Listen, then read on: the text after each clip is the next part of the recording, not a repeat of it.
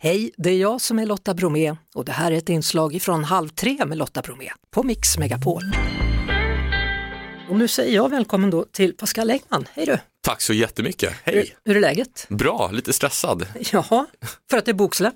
Eh, ja, och för att min taxi var lite sen, så jag, en stor eloge till Taxi Stockholm som eh, körde ilfart genom eh, Stockholm för att få hit mig. Och nu är jag här.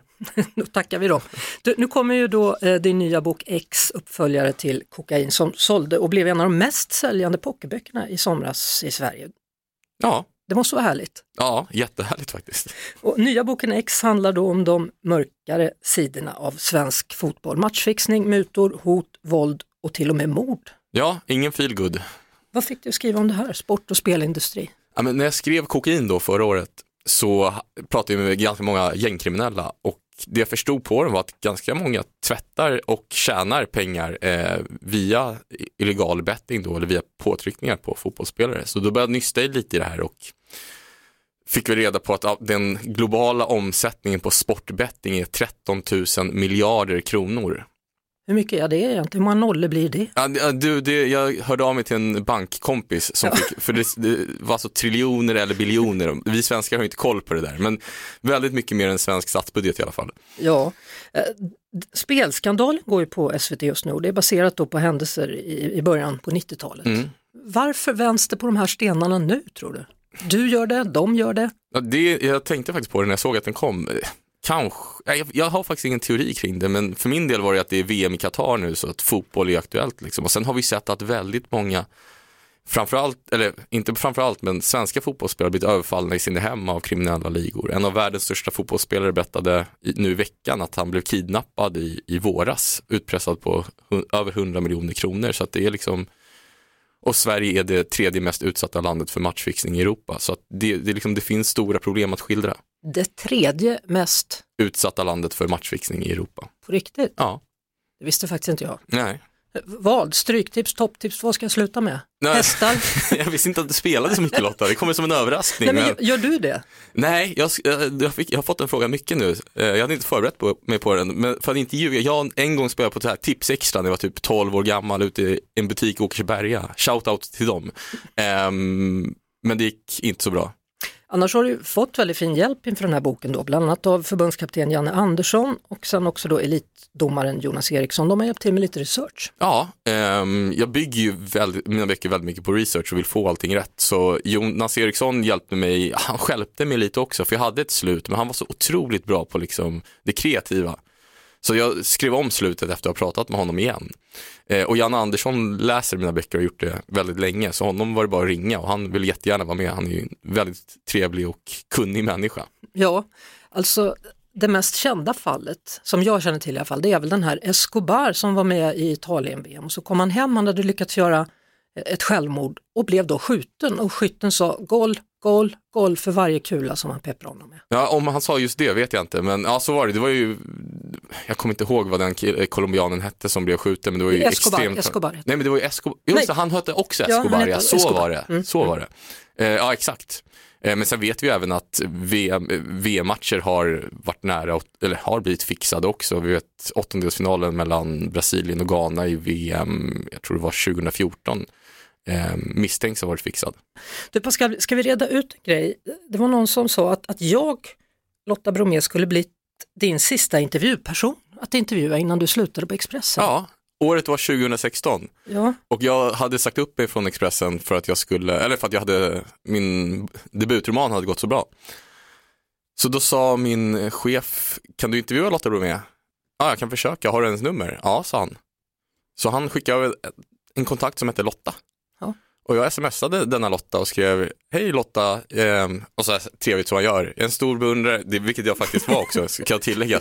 För jag, jag intervjuade ju folk, jag hade den här lördagsintervjun. Mm. Och du, du inom citattecken svarade, ja men gud vad roligt att du vill intervjua mig. Ehm, jag är på Maldiverna just nu, men kan vi ta det nästa vecka? Ja. Och jag bara jävlar, du var ju, får man svära i radio? Får man svära hos Du har Mix just gjort det, så Ja. så mycket att göra åt nu.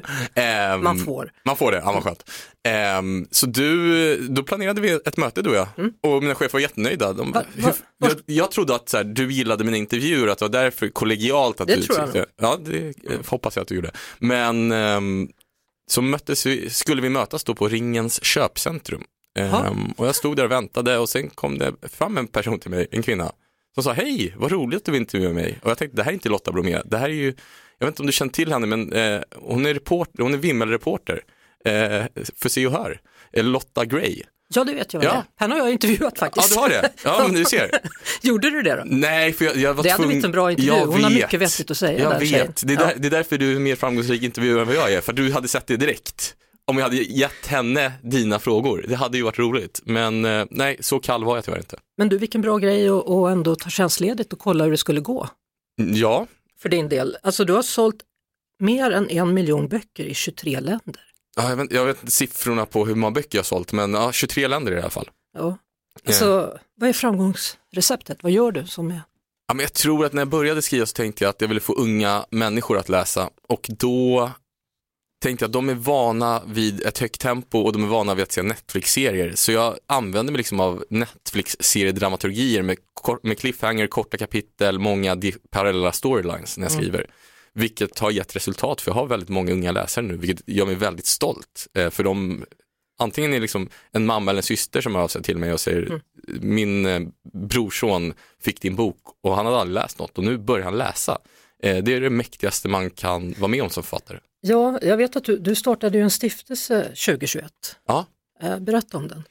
Ja, men jag, jag har ju sålt en del böcker och det har genererat en del inkomster så då tänkte jag att jag vill ge tillbaka någonting också. Och ehm, det finns, som sagt, vi vet att unga människor inte läser så mycket böcker idag. Och så vet vi att det finns också väldigt många eldsjälar ute i Sverige som jobbar med att få unga människor att läsa. Så då startade jag Pascal, Pascal Engmans stiftelse. Ehm, där vi delar ut priset till årets um, läsfrämjare. En person kan vara en skolbibliotekarie, en svensk lärare eller en ja, bokhandlare kanske som har lockat in unga människor i läsning. Och det, jag trodde inte att det skulle bli kä- känslosamt men första gången jag delade ut eh, stipendiet överraskade en kvinna som heter Anneli Glamsare som har jobbat med de här frågorna i liksom 40 år. Mm. Så insåg jag att det är första gången på länge man gör någonting bra eh, som faktiskt är värt någonting. Ehm, och det gjorde mig rörd och gör mig fortfarande lite rörd faktiskt, Ja, ja. märker jag nu. Jag älskar det. Ja, vad bra. Ja. Men, men vem vinner i år då? Eller vem får Det- ett stipendium i år? Eh, Det är redan utdelat i år. Ehm, men så nästa år är det dags igen. Var det hon som fick i år? Menar du? Nej, Nej. eh, andra fick första året. Nu, nu, nu märker jag att jag tvekar, men det är för att jag inte ha, hade namnet i huvudet på den person som vann i maj. Men det var en otroligt eh, fin bibliotekarie eh, från eh, Norrland, utanför, en bit utanför Sundsvall. Mm. Bibliotekarier överhuvudtaget, vi hyllar dem. Ja, men fantastiska människor i regel. Pascal Engman som är dagens gäst och Pascal Engmans stiftelse delade då i år ut priset till Eva Holmström som är bibliotekarie i Söråkers Folkets hus strax utanför Sundsvall. Och hon har sett till att biblioteket håller öppet till minst 21.00 sju, sju dagar per vecka och ibland faktiskt ännu längre. Så stort grattis till dig Eva Holmström och stort grattis till dig Pascal som hittade på det här. Ja, men tack. Får jag bara tillägga också att även på helger så hade hon alltså öppet ibland till efter midnatt. Det är liksom Stureplans nattklubbarna har sämre öppettider än hon. Så hon var en vä- värdig vinnare. Ja, men du förstår, i, i tider där alla ungdomsgårdar och allt bara försvunnit så, Ja. så sitter hon där med lässkatt. Ja. ja. Du, eh, hur känns det att du har blivit pappa? Bra, det är ju, alltså det går inte att prata om föräldraskap utan att hamna, hamna i klyschor. Det går ju inte. Ehm, men det är ju fantastiskt. Man får ju, man får ju faktiskt en helt annan syn på livet. Ja. Ehm, och man blir lite mindre egocentrerad och det är skönt, eller behövligt i mitt fall. Hur är han Benjamin? Eh, jätteglad. Eh, var tidig med att gå, också. Eh, egentligen var det, han började vid nio månader men jag och hans mamma brukar ljuga och säga att vi var åtta månader. Men det är tidigt ändå. Eh, man ljuger ju ofta om sitt barn liksom, och liksom framstår det som lite bättre än vad det är. Ja, men om, hade, om du hade sagt mig att han började gå när han var tre, då hade jag sagt att det är något fel på ditt barn Pascal. Ja, kanske. Ja, så för tidig kan man ju inte vara heller. Nej, det är sant. Läser du böcker för honom då? Ja, han, jag tänkte säga han läser ofta själv, det låter som en lögn. Eh, Han är 18 månader så det är omöjligt. Men han sitter ofta och kollar i sådana här bilderböcker. Han föredrar nästan att sitta och kolla i dem själv än att jag sitter och läser för honom. Mm. Vad, väljer du att läsa då när du läser? Eh, För honom eller för mig? För honom? Eh, Max-böckerna är ju favoriter. Ja. De, oj, nej, jag ska inte säga någonting, men jag, jag, det förvånar mig. Jag älskade också dem när jag var liten, men nu när jag ser dem, jag ser inte riktigt eh, varför de är så fantastiska. Men tydligen mer om det. De har ju funkat i, jag vet inte hur länge. Ja, men du, du, du gillar ju dem när du var liten. Ja, ja, ja. ja. Du, ja. Det kan vara så att du har vuxit ifrån dem. ja kanske, kanske. Det är mycket möjligt, man vet inte. Hörru du, eh, idag släpps alltså X och på torsdag så börjar ju bokmässan och dit ska du ju då givetvis. Dit ska jag. Mm. Ska du? Nej, det ska jag Nej. inte. Jag har lite saker att göra här. Ja. Vet du. Ja. V- vad gillar du med att vara på bokmässan? Men det är ju roligt att träffa äh, kollegor, nu, nu pratar jag återigen i klyschor, men det är jättekul att träffa kollegor, det är faktiskt det. Sen är det roligt att träffa människor som bryr sig om böcker eh, och liksom, som tar del av ens arbete på ett så nära sätt. Man blir ju, man får ju väldigt mycket beröm alltid som, ja men jag får det i alla fall av, av läsare och så liksom. Och jag blir lika glad varje gång för att det är faktiskt någon som har liksom lagt ner 200 kronor av sina surt förvärvade slantar på att köpa liksom mina tankar, för det är vad det är innan det liksom hamnar en streckkod på den där boken. Eh, så det är väldigt, ehm, det är väldigt fint och en väldigt fin stämning ofta på bokmässan. Det härliga är att nu har du tårar i ögonen igen, Pascal Ja. Engman. Kvällstidningsskarvningen här från Lotta Bromé. Nej men jag blir, jag blir lite rörd, men inga tårar i ögonen än, men vi kanske hamnar där. Kanske gör det. Det är dags att ta adjö för den här gången. nu kastar du ut mig. Kastar ut jag inte, men jag säger att det är avslutat den här delen av intervjun. Tack så jättemycket för att jag fick komma. Och ha det så kul i Göteborg då på bokmässan. Tack. Ni är också här. Det var det. Vi hörs såklart igen på Mix Megapol varje eftermiddag vid halv tre. Ett poddtips från Podplay. I podden Något Kaiko garanterar östgötarna Brutti och jag, Davva, dig en stor dos skratt. Där följer jag pladask för köttätandet igen. Man är lite som en jävla vampyr. Man har fått lite blodsmak och då måste man ha mer. Udda spaningar, fängslande anekdoter och en och annan arg rant. Jag måste ha mitt kaffe på morgonen för annars är jag ingen trevlig människa. Då är du ingen trevlig människa, punkt. Något Kaiko, hör du på Podplay. Därför arkadeinerna.